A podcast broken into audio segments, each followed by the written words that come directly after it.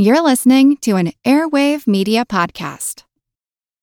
When you need mealtime inspiration, it's worth shopping Kroger, where you'll find over 30,000 mouthwatering choices that excite your inner foodie. And no matter what tasty choice you make, you'll enjoy our everyday low prices, plus extra ways to save, like digital coupons worth over $600 each week. You can also save up to $1 off per gallon at the pump with fuel points. More savings and more inspiring flavors make shopping Kroger worth it every time. Kroger, fresh for everyone. Fuel restrictions apply. Hello, it is Ryan, and I was on a flight the other day playing one of my favorite social spin slot games on chumbacasino.com. I looked over the person sitting next to me, and you know what they were doing? They were also playing Chumba Casino. Coincidence? I think not. Everybody's loving having fun with it. Chumba Casino is home to hundreds of casino style games that you can play for free anytime, anywhere, even at 30,000 feet. So sign up now at chumbacasino.com to claim your free welcome bonus. That's chumbacasino.com and live the Chumba life. No purchase necessary. VGW Group. Void were prohibited by law. See terms and conditions. 18 plus. This is Kick Ass News. I'm Ben Mathis.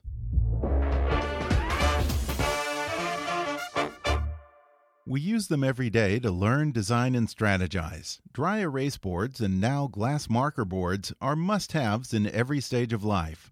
For the visual display products you need and the quality of service you deserve, US Marker Board is the place to go.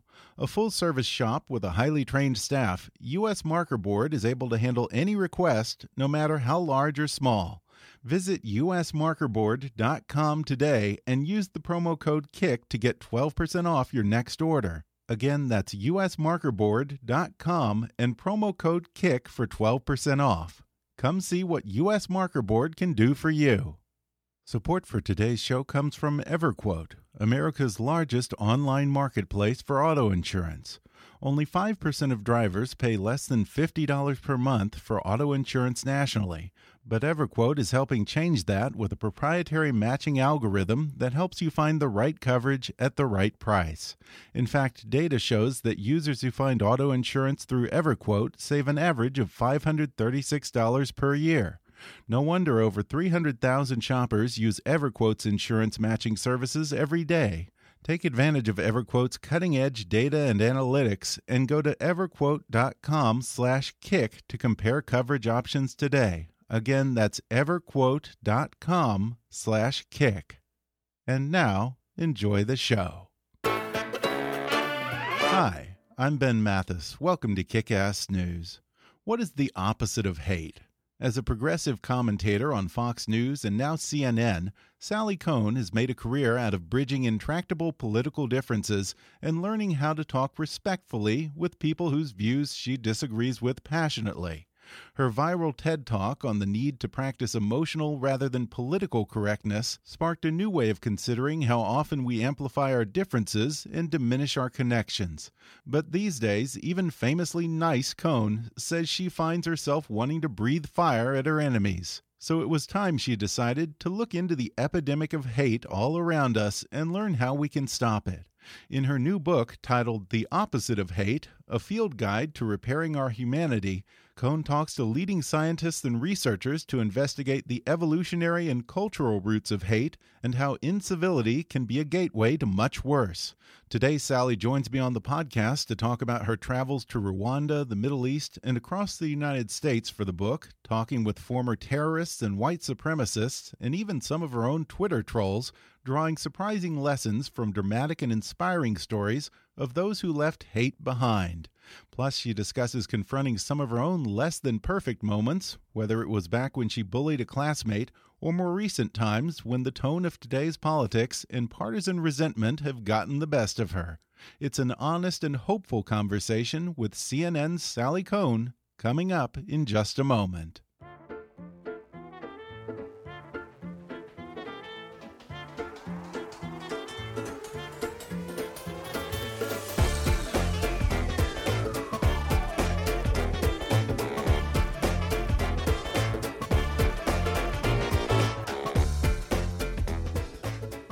Sally Kohn is a CNN political commentator and columnist who frequently writes for the Washington Post, the New York Times, New York Magazine, Cosmopolitan, the Daily Beast, Time, and many others.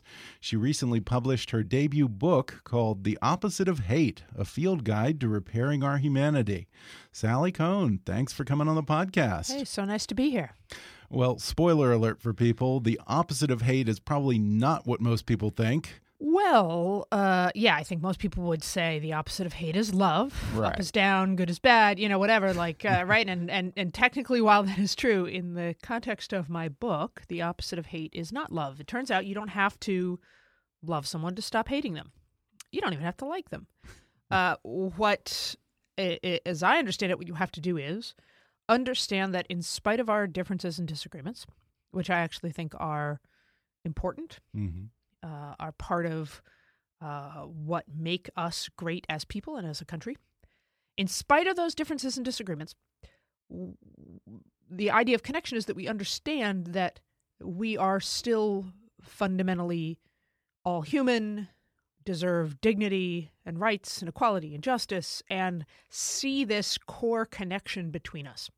Uh, and that, to me, understanding that, seeing that, operationalizing that is the opposite of hate. I imagine that there are probably those who think, you know, here's this liberal progressive pundit who goes on CNN every day and argues with conservatives, and sometimes things get really heated. So, who is she to preach civility and connection like this? What is your response to that? Um, that's a that's a great question. I um, you know, I, I I hope I'm not preaching anything. First of all, but you know, this for me, this book, this process, this sort of larger quest is part of a journey Mm-hmm. uh, for myself because I, as someone who rhetorically talks about equality and justice for all, realized that I wasn't always practicing equality and justice for all, including uh, not uh, upholding and acting as though I believed people who disagree with me were uh, in, entitled to the same respect and dignity and fairness and kindness that I was. Um, so and and for me, actually, part of it is is look, we could argue till the cows come home which side does it worse when it comes to partisan incivility. I happen to have an opinion that it's the right, um, and there's some well-founded evidence on that. But honestly, who cares? Because the truth is, what I do also know is that I'm not going to be able to change the right's vitriol and nastiness and and you know ad hominem personal attacks, but I can do something about the left Mm-hmm. right? Both through my own actions and through, uh, you know, not just trying to always point fingers and hold the other side accountable, but hold my own side accountable to doing better. And that's part of what I hope we'll all do. Yeah, and I think one of the things that distinguishes this book from the myriad of books that came out in response to the 2016 election is you say that this isn't so much a response to the election of Donald Trump as much as it's a response to your own reaction to the election of Donald Trump, right? Well, I mean, the book predated that in uh, in a lot of ways. Okay. Honestly, I mean, my you know the desire I had to understand my own hate and the hate in the world and do something about. It it really stems from my lifelong work as an organizer and an activist, Mhm. and then more recently uh, in 2010, 2011, 2012. Being a liberal on Fox News and coming face to face with Yeah. people who I thought I hated and who I thought hated me. But you know, it it's it's the other reality here is that we have this juxtaposition or, or paradox, if you will, of yes, for a lot of people, the 2016 election was this amplification of hate, and and in real ways it was both Oh, the yeah. hate that Trump himself was spewing, uh, the increase in hate crimes and hate groups, and right, especially uh, you know anti-Muslim organizations, anti-Semitic hate crimes, etc. So Yeah. that's real, and the the simple reality is that that hate at the core of that is nothing new. It's Mhm. nothing new to modern American politics. It's nothing new to the United States as a whole. That that kind of hate, discord, us versus them, uh, manipulation and and meanness and its manifestation in our hearts and minds and policies and institutions and culture has been a part of this country literally since its inception. Yeah, I applaud your honesty with this book because you you admit before you came over to CNN, you came into Fox News with certain biases against uh, certain hosts and viewers, and being there, I guess, opened your eyes to the fact that not everyone is the devil over there. Maybe, although some people very well may be and still are. I'm not going to call know. anyone the devil. Okay, what, what? Not even Roger Ailes, I'm. the late Roger You know, Ailes. here's the thing. let me make let me make a moral point and a practical point. Okay. You know, morally, I happen to not believe anyone is irredeemable. hmm I happen to believe no one is disposable. Uh, that, uh, you know, uh, as Bryan Stevenson has said and has written in his incredibly important book, Just Mercy, no person is the worst thing they've ever done in life. I happen to also believe no person is the worst thing they've said in life or the worst thing they've even thought in life. And so, from a moral perspective, to me, the question is can I hold that idea and then live that out? hmm in the way I interact with others, including interact, interact the way I interact with those who uh, seem hateful toward me. And at a practical level, the, the to me the other argument f- for this approach is, look, am I creating opportunities, space, invitations for people to change, or am I shutting down doors and opportunities to change? In other words, look, I don't want conservatives, whether they're on air, off air, people watching at home, I don't want them to continue to believe the sets of things I think are hateful in terms of anti immigrant sentiment and Islamophobia and, you know, defense of tax cuts for the super rich. And I don't want them to continue to believe those things. So I would like to engage in a way that creates the possibility for people to change. Yeah, and as part of that, you did something unusual here. You started engaging with your Twitter trolls, of which you probably have many, being a political pundit, even talking to them over the phone. Um, aren't you supposed to just ignore your trolls? What were you hoping to accomplish with that? Well, I mean, uh, I'm obviously not making a habit of it, but um, uh, you know, look, when this is sort of troll 101 here for everyone, uh, and this applies, you know, at Thanksgiving dinner with uh, argumentative family members as much as it does with you know people throwing nastiness at you online, which is when you have that situation, there's really basically three things you can do. One is ignore it. Uh, this is the first do no harm strategy. That is a fine strategy. It's uh, key to self protection, depending on your you know sense of safety and preserving your sanity. That's a that's a reasonable choice to make, and it can just mean in the case of Twitter or whatever, just literally ignoring it. In the case of your you know uncle at Thanksgiving, just saying, "Look, look, look, uncle, I, I don't want to do this. Let's talk about sports. Let's talk about Mhm. music, whatever." So that's option one. Option two is to uh, feed hate with hate, to respond to hate with hate, nastiness with nastiness, etc. Um, look, I don't think that solves anything.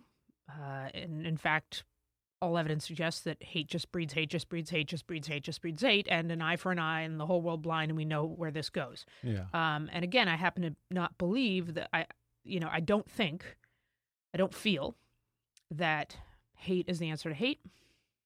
I don't feel uh, that cruelty is the answer to cruelty. I don't feel that injustice is the solution to injustice. So I am, generally speaking, against, and we tend to all do this, right? Where we say, well, I wasn't being mean, they were, and so I'm just reacting and responding. Right. So if you are, if, I hope people don't do that. I hope we do that less and less. And then the third option is to respond with kindness, compassion, grace, uh, generosity, humor, even.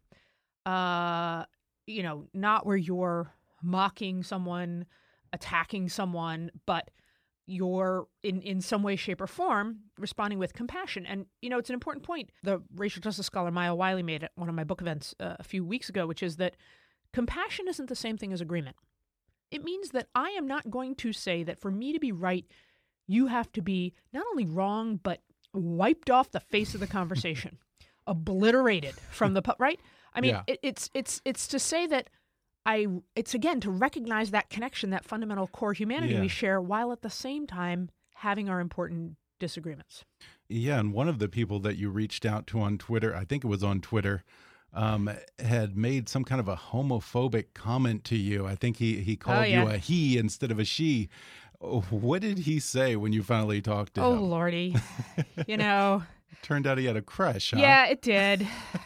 I know. I, I didn't see that coming. It was very. Um, it reminded me of uh, you know, like being in elementary school, I guess, where you Uh-huh. know when another kid has a crush on on you, you, yeah. and so they kind of pick on you, or they like you know poke you or whack Mhm. you, or it was sort of reminded me of this kind of um, of that kind of thing. Um, Yeah. Thin line between it- love and hate. it, well, thin line between love and hate for sure, and also a reminder. Look, talking to all my trolls was a reminder that, you know, as Walt Whitman said, we all contain multitudes. hmm Uh, again, that none of us are the worst thing we've done or the worst thing we've said or Right. the worst thing we've tweeted. That we all also have the capacity for kindness hmm and for pain, and for beauty, and for humor, and for weird hobbies, and you know, mistakes and misinformation, and uh, you know, to me, I mean, it's interesting when we call people trolls. It's not even a that's an inherently dehumanizing I was term, just going to ask you if you still use the term trolls you know because you I you, do because you talk the- about no, not it's categorizing it's a people. Great question. So yeah, it's kind I of a do weird I do because it's the paradox. colloquial term, and I Yeah. I raise it here, and I think I raised it in writings where it's like it's not the right term, and we do need to find a new Yeah. term. But I mean, it's trolls aren't an ethnic group or something. No, I mean, but it's, but it's still this otherizing, Yeah. dehumanizing thing. It's akin to, uh, you know, look, it's akin to when Hillary Clinton referred to Trump supporters as deplorables, Mhm. basket of deplorables. By the Mhm. way, you don't put people in baskets, right? You put things in baskets. Deplorables, Yeah, you know what I mean? it's like it, is a dehumanizing dehumanizing Yeah. term, and I, again, I think we all should be careful of that. But for me, coming from the left, especially as someone who is so vigilant or tries to be vigilant when I feel like dehumanizing language is used against the communities that I spend my time trying to speak up for, fight for, and defend, uh, to then kind of look the other way when dehumanizing language is Mhm. used against others who I mean it's just it's like it's it's Yeah. it's never right. I wonder, are there cases where a medium like Twitter or Facebook has had the opposite effect, where maybe it's broadened someone's peer group and challenged their assumptions and actually helped people overcome their biases? like a lot of things, it can be used for good, they can be used for evil. So, you know, if you are a, you know, kid or not so much a kid, and you're in a part of the country, growing up in a part of the country where there aren't that many people of color, uh, you know, maybe there aren't that many black folks, maybe there aren't that many, uh, or any Muslims, or any Jews, or, you know, you don't know anyone who's gay, or maybe you're in a part of the country you don't know anyone who's a liberal, you don't know anyone who's a conservative social media also allows us to make those kinds of connections, both Mhm. the internet in general and our ability to search and learn and have all that connectivity at our fingertips and actually make those connections if we use it that way. And, and then in the book, I give examples of people who literally left hate movements, left hate movements because of the kindness that they were shown online by the people who they were taught to hate. What's amazing in here is you talk about how so often it can be just the most unremarkable thing. You know, in one case, you have a former skinhead that you talked to who it was as simple as just going to a party and connecting with people who like the same music. You know, um, we like to think in general that horrible things are done by uniquely horrible people. hmm That's part of the way we tell ourselves it can't happen to us, that we couldn't do those things. So in the book, I look at things like genocide and the fact that, you know, as one philosopher said to me in the book, we have mass atrocities because masses of people participate in them. That's why they become mass atrocities. Uh, and and similarly, we like to think, okay, neo Nazis, white supremacists here in the United States, oh, they're so aberrant and out there and extreme, and and fortunately, to some extent, they are. Fortunately, that's true, although less aberrant uh, today than they were, uh, you know, several years ago. That we see a rise and, and a sort of resurgence of visibly overt, explicit uh, white power movements in the United States today.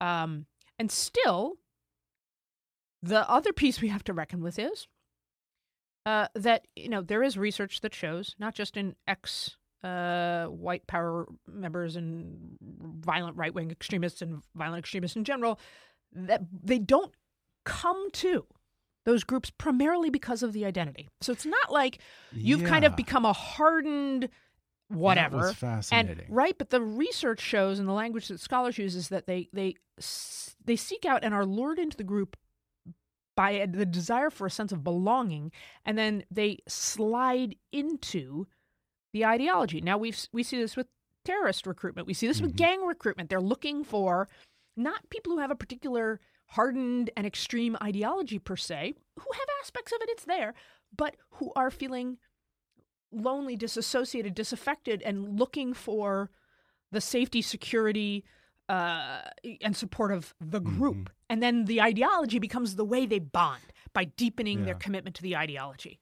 But but why do people like this skinhead try to find belonging through hate? Why not join a softball team or a book club? Why keep such ugly company? Well, that's you know that's an interesting question, and I mean that sort of perpetual paradox is at the core of my book and my life's quest. Yeah. But I think there's two things we have to recognize, and in a way sit with the discomfort of, which is, um, one, that even when he was in that lifestyle, and lifestyle is such the wrong word, and he was in that life. Let's go with he was in that life.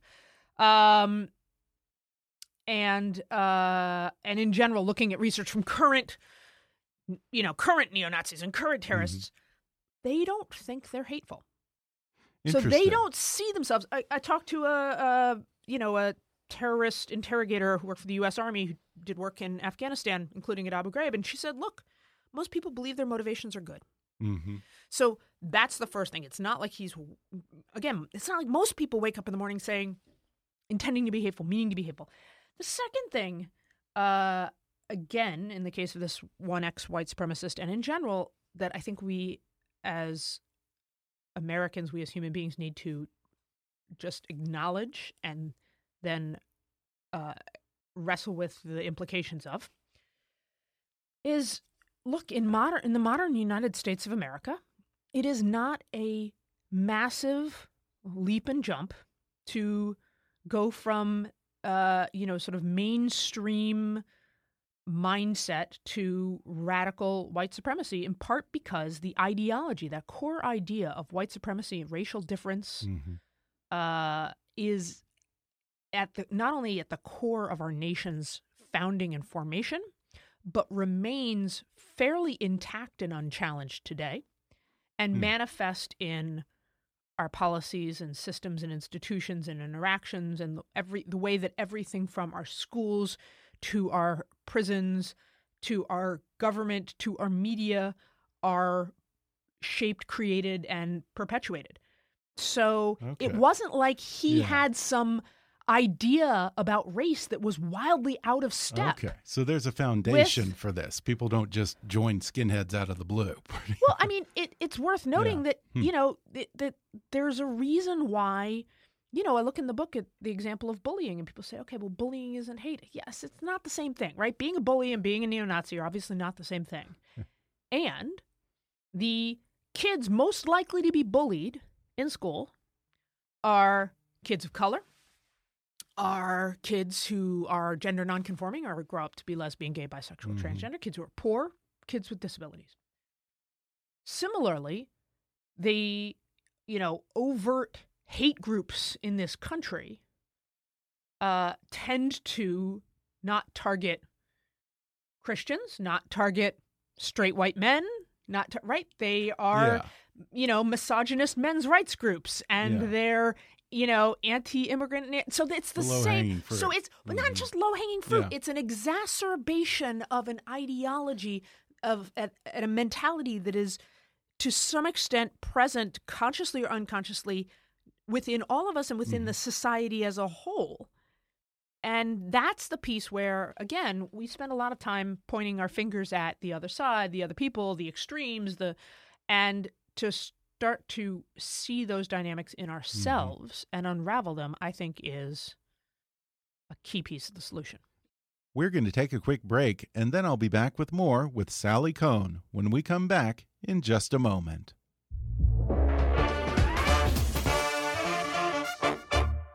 Support for today's show comes from Zyppah. You folks know what a sleep fanatic I am. It's essential to your physical and emotional health and the health of your relationship.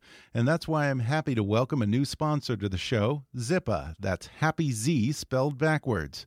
It's more than a snoring device. Zippa is an American made boil and bite mouth guard that's a game changer in the bedroom. While other snoring devices only have one feature, they either advance the lower jaw or stabilize the tongue, Zyppah does both. There are no other snoring solutions like this in the world. Not to mention, the cost is less than $100, and since Zyppah custom molds to your mouth, it's so comfortable you don't even know it's there. Plus, it's been cleared by the FDA as safe and effective. But look, if you aren't happy with the product, you can return it within 90 days for a full refund. And it's no surprise that Zyppah has five star customer service and strives to maintain the highest reviews and ratings. Now, I wanted to test this product out, so I asked some of my friends about their own snoring problems and gave it to the one who had the worst case of snoring. He snores so loud that oftentimes his wife sleeps in the guest room rather than endure another sleepless night. Now, that's the kind of thing that can really take a toll on a marriage. He followed Zyppah's easy instructions, molded the boil and bite mouth guard to fit him, and went to bed. The very first night, he and his wife had their first peaceful, quiet night's sleep in years. So try Zyppah and start enjoying happy Z's every night, for your sake and the sake of the people sleeping near you. Just go to Zyppah, Z-Y-P-P-A-H dot com to learn more and use my code KICK for free shipping. That's Zyppah, Z-Y-P-P-A-H dot com and code KICK for free shipping. And now, back to the podcast. You get into this idea of the inside group and the outside group.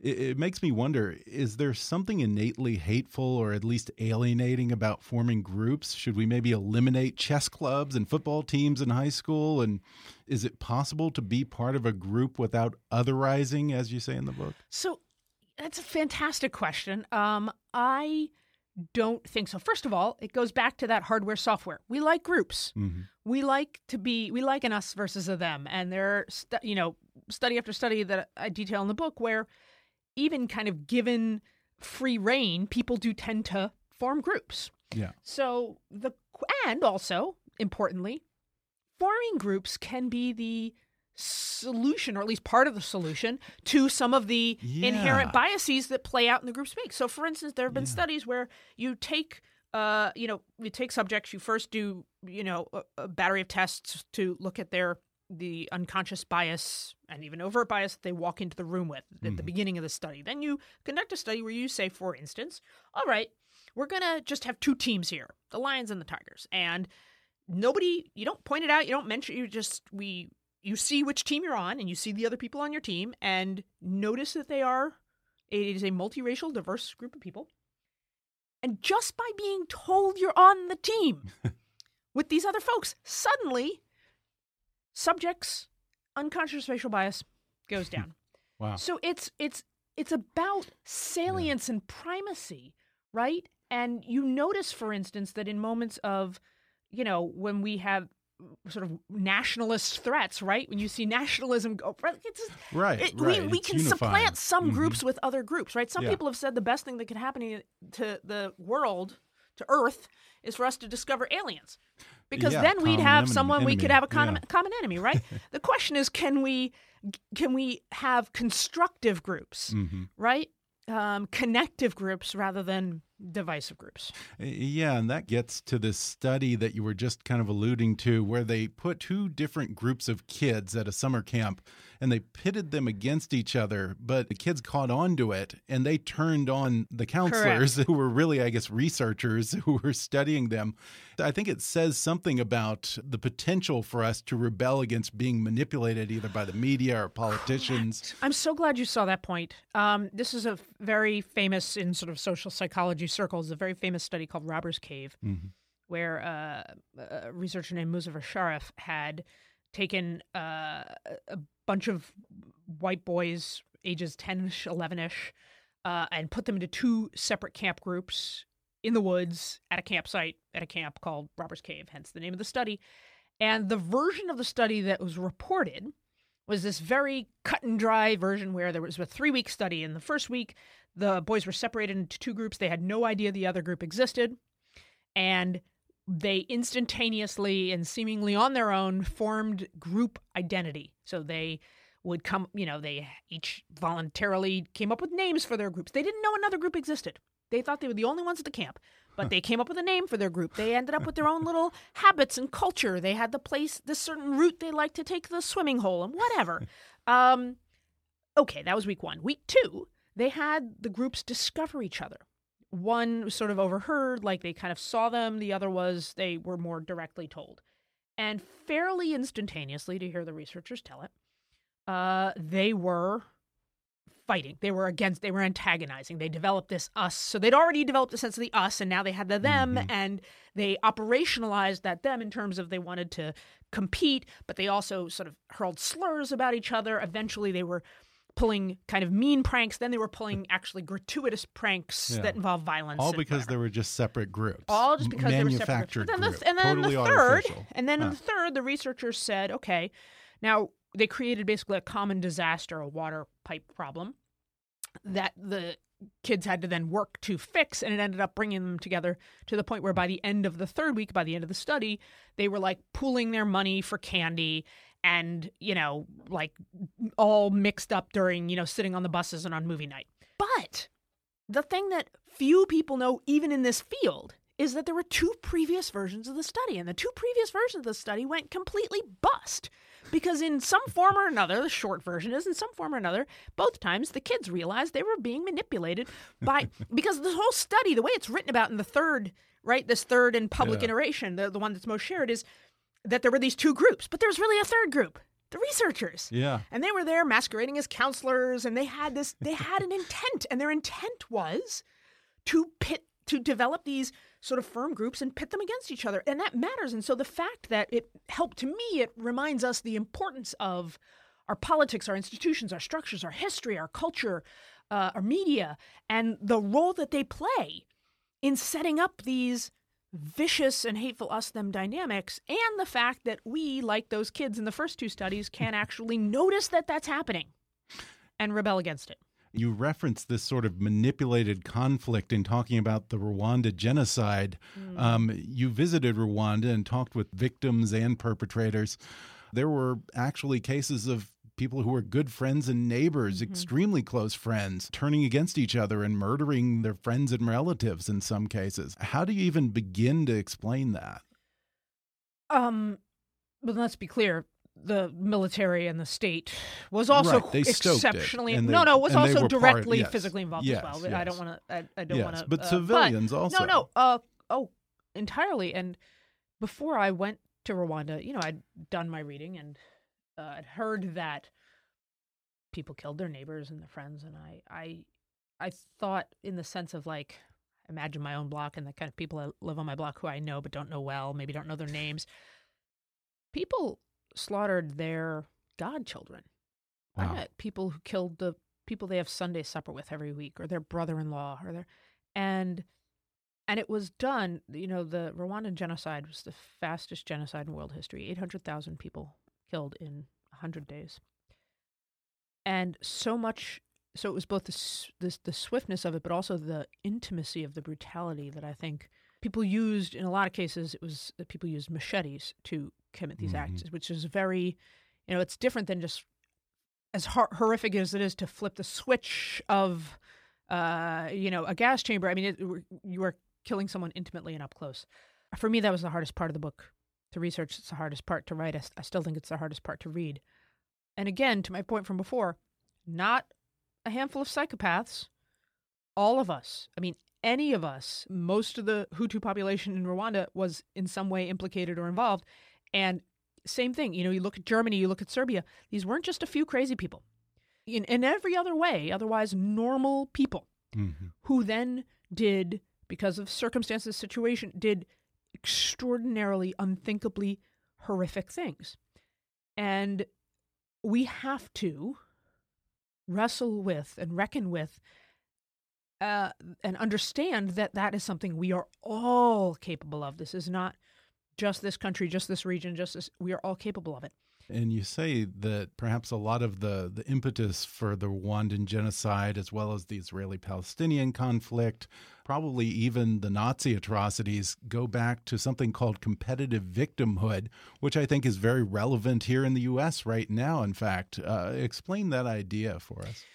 It is. You'll you sort of you're, you're, right. You'll see it play out in lots of dynamics, but the idea of competitive victimhood comes from the scholarship uh, around what uh, you know, academics in this area call intractable conflicts. It's a really potent term for me because you think it is literally saying this is a conflict that cannot be fixed. Yeah. It is unsolvable. In the case of the book, I um uh, I went to Israel Palestine because when we think right. about intractable conflicts in the world right now that's that's the poster child that's the and and in in yeah. so many ways it's the example that everyone points to mm-hmm. so it is the you know example that uh you know people point to to you know this act or that act uh, out of context to justify islamophobia and painting you know a whole religion of people with a ugly broad stroke and it's also you look at uh, the rhetoric of some terrorist organizations, and they point to and paint a few incidences and examples of what Israelis have done, and by extension, then they attribute it to Jews, and and right. So it's it, it's this very it's both intractable there, and then it has these sort of intractable implications in a yeah. way. Yeah, everyone's um, the hero of their own story, I guess, to some that's extent. That's a great way of describing competitive victimhood, or rather, in this case, everyone's the victim of someone else's story. Yeah, and yeah and you know and that the dynamic through history right when sort of uh you know oppression and victimization build and build and build and build and build is it's a version of what we were talking about before where we're always pointing the finger so we mm-hmm. can always say but look yeah. what they did yeah. they did this first and it's because they did that that then we did this we wouldn't have done this if they hadn't done that and both sides feel that way and it's not that either story each side tells is wholly wrong or unwrong. It's that it yeah. takes on and it, it becomes this narrative of who's suffering the most, whose victimization is the worst, but then tends to obscure any culpability or even responsibility or accountability mm-hmm. for one's own role, however big or small, however relative, in victimizing others. Now, I just have to ask you're Jewish. Weren't you afraid to go to the Palestinian territory? oh my gosh. I, uh, this question fascinates me not for a second and it really does go to no but it, it really? go yeah no it goes to but this is interesting right because you're not by the way the first person to ask me that i'm, I'm sure so you're not the last of that. and people you know a lot of folks by the way a lot of uh, jews and non-jews in the united states a lot of folks in jerusalem were horrified i mean we're talking people who live you know a 10 minute drive from the west bank yeah and have never been they have ideas that have been fed by history and misinformation and propaganda and scapegoating and right about who Palestinians are, who Muslims are, what this region of the world is like, et cetera, et cetera, mm. et cetera. And I, as an American, had more freedom of movement hmm. than Palestinians. Yeah. So you're uh, aware of all yeah. those things, and it was a beautiful, lovely perfectly safe, wonderful place to be with, you know, shops and cafes and like parts of it could have been like downtown Brooklyn and the, you know, some of the best bread and hummus and olive oil I've had in my entire life. And I would go back in a heartbeat. Mm-hmm.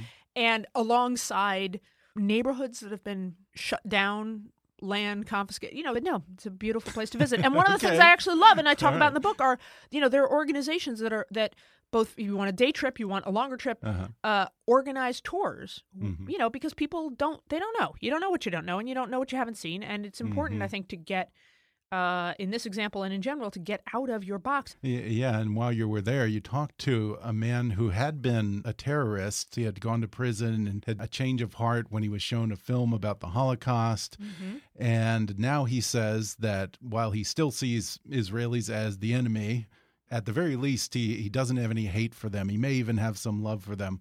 Thank How you. do we foster these situations? How do we create connection space and opportunities for what they call golden conversations? which is not a conversation between Yes. Donald Trump and two hookers. I know, I know. I I, I renamed I'm that you've phrase that in my book because I thought it was a little creepy. Yeah. Um, yes, weed is important. This is to the example you're giving from uh, Israel Palestine. Bassam, you know, his whole childhood, the only Israelis he knew were soldiers. Up until he went to prison, the only Israeli he had ever met or seen, not even met, seen was a soldier harassing, attacking, killing his community. By the way, also the only Jew he ever knew, because to him they were the same thing. So he only knew Israelis and Jews as a violent occupying force.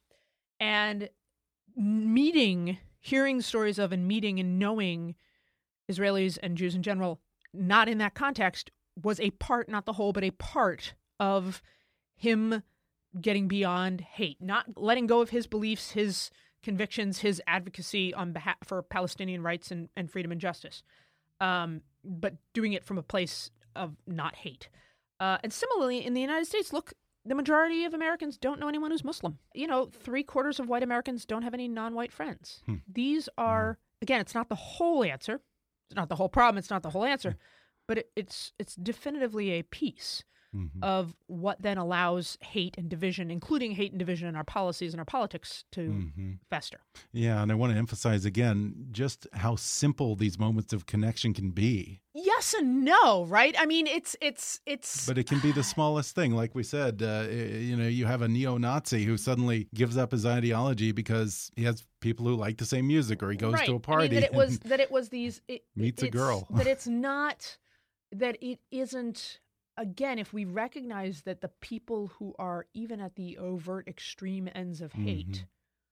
Are not, and this was like, and by the way, there's research that bears this out. I talked to a lot of ex, you know, ex terrorist, ex neo Nazis with similar striking stories where you think, okay, it must have taken some radical, you know, act of Yeah. neo god to get you out of this, and it's just like, mm, you know, and it's, and it's, it's, it's uncomfortable to recognize how casually, in a way, Mhm. people slipped into these hate movements, Yeah. these extremist hate movements, and at the same time, it's encouraging to realize how somewhat casually they can slip out. Now, I'm not again, I'm not giving people a pass. I want to be mm-hmm. clear, I'm not giving people a pass for the overt and horrifically hateful things they've done. What we tend to do is write people off as entirely that Yeah. you are a hateful monster. You are only a hateful monster. You it's all you'll ever be. And so to me, for my life, my choice, my path is what can I do to help create opportunities where we aren't just calling people out, but calling people in and giving them opportunities to change. Well, before we go, you start and finish the book by talking about a girl who you picked on when you were a kid in school and how years later you actually went to the trouble to hire a private investigator to track her down. Um, I don't want to give away too much. you already warned I mean, I gave me a TED talk on it. No, no, no. It's just So- that one story. but- I like people to discover that story on their own. What were you wanting to know or say to her, and, and what happened when you finally got a hold of her? Oh, um, well, I'll say this much that it's uh, for me. I I think I knew. Of, of course, I wanted to apologize. Um, I wanted to know that I hadn't ruined her life. Uh, that she had that she was okay, and I wanted to apologize. And I I think I knew intellectually that apologies aren't entitled to forgiveness. That they those two things exist in separate spaces. And and it's and it's but then I had and I actually had to live it and experience it and and apologize without feeling in any way, shape, or form entitled to her forgiveness. She because she didn't forgive me, and nor should she. That's obviously entirely uh, her choice, and it's important. I think. I hope it's an important metaphor for all of us who recognize that in a way you have to sometimes do what's right, even in the face of whatever justification you feel you have otherwise. And similarly, that you're, you know, to do, I hope, to be kind, compassionate, gracious, forgiving, even even when others are not necessarily being so. That to me, I hope, is one of the lessons people take away. Well, I really enjoyed the book. It's called The Opposite of Hate A Field Guide to Repairing Our Humanity. And you can catch Sally Kohn regularly on CNN. Sally, thanks for talking with me. Thanks so much for having me. Thanks again to Sally Kohn for coming on the podcast. Order her new book, The Opposite of Hate A Field Guide to Repairing Our Humanity, on Amazon or Audible. Subscribe to her podcast, The State of Resistance, on iTunes or wherever you get podcasts, and keep up with her at sallykohn.com or follow her on Twitter at, at sallykohn. If you haven't already, be sure to subscribe to Kickass News on iTunes and leave us a review. You can follow us on Facebook or on Twitter at, at KickassNewsPod. And as always, I welcome your comments, questions, and ideas at comments at kickassnews.com. I'm Ben Mathis, and thanks for listening to Kickass News.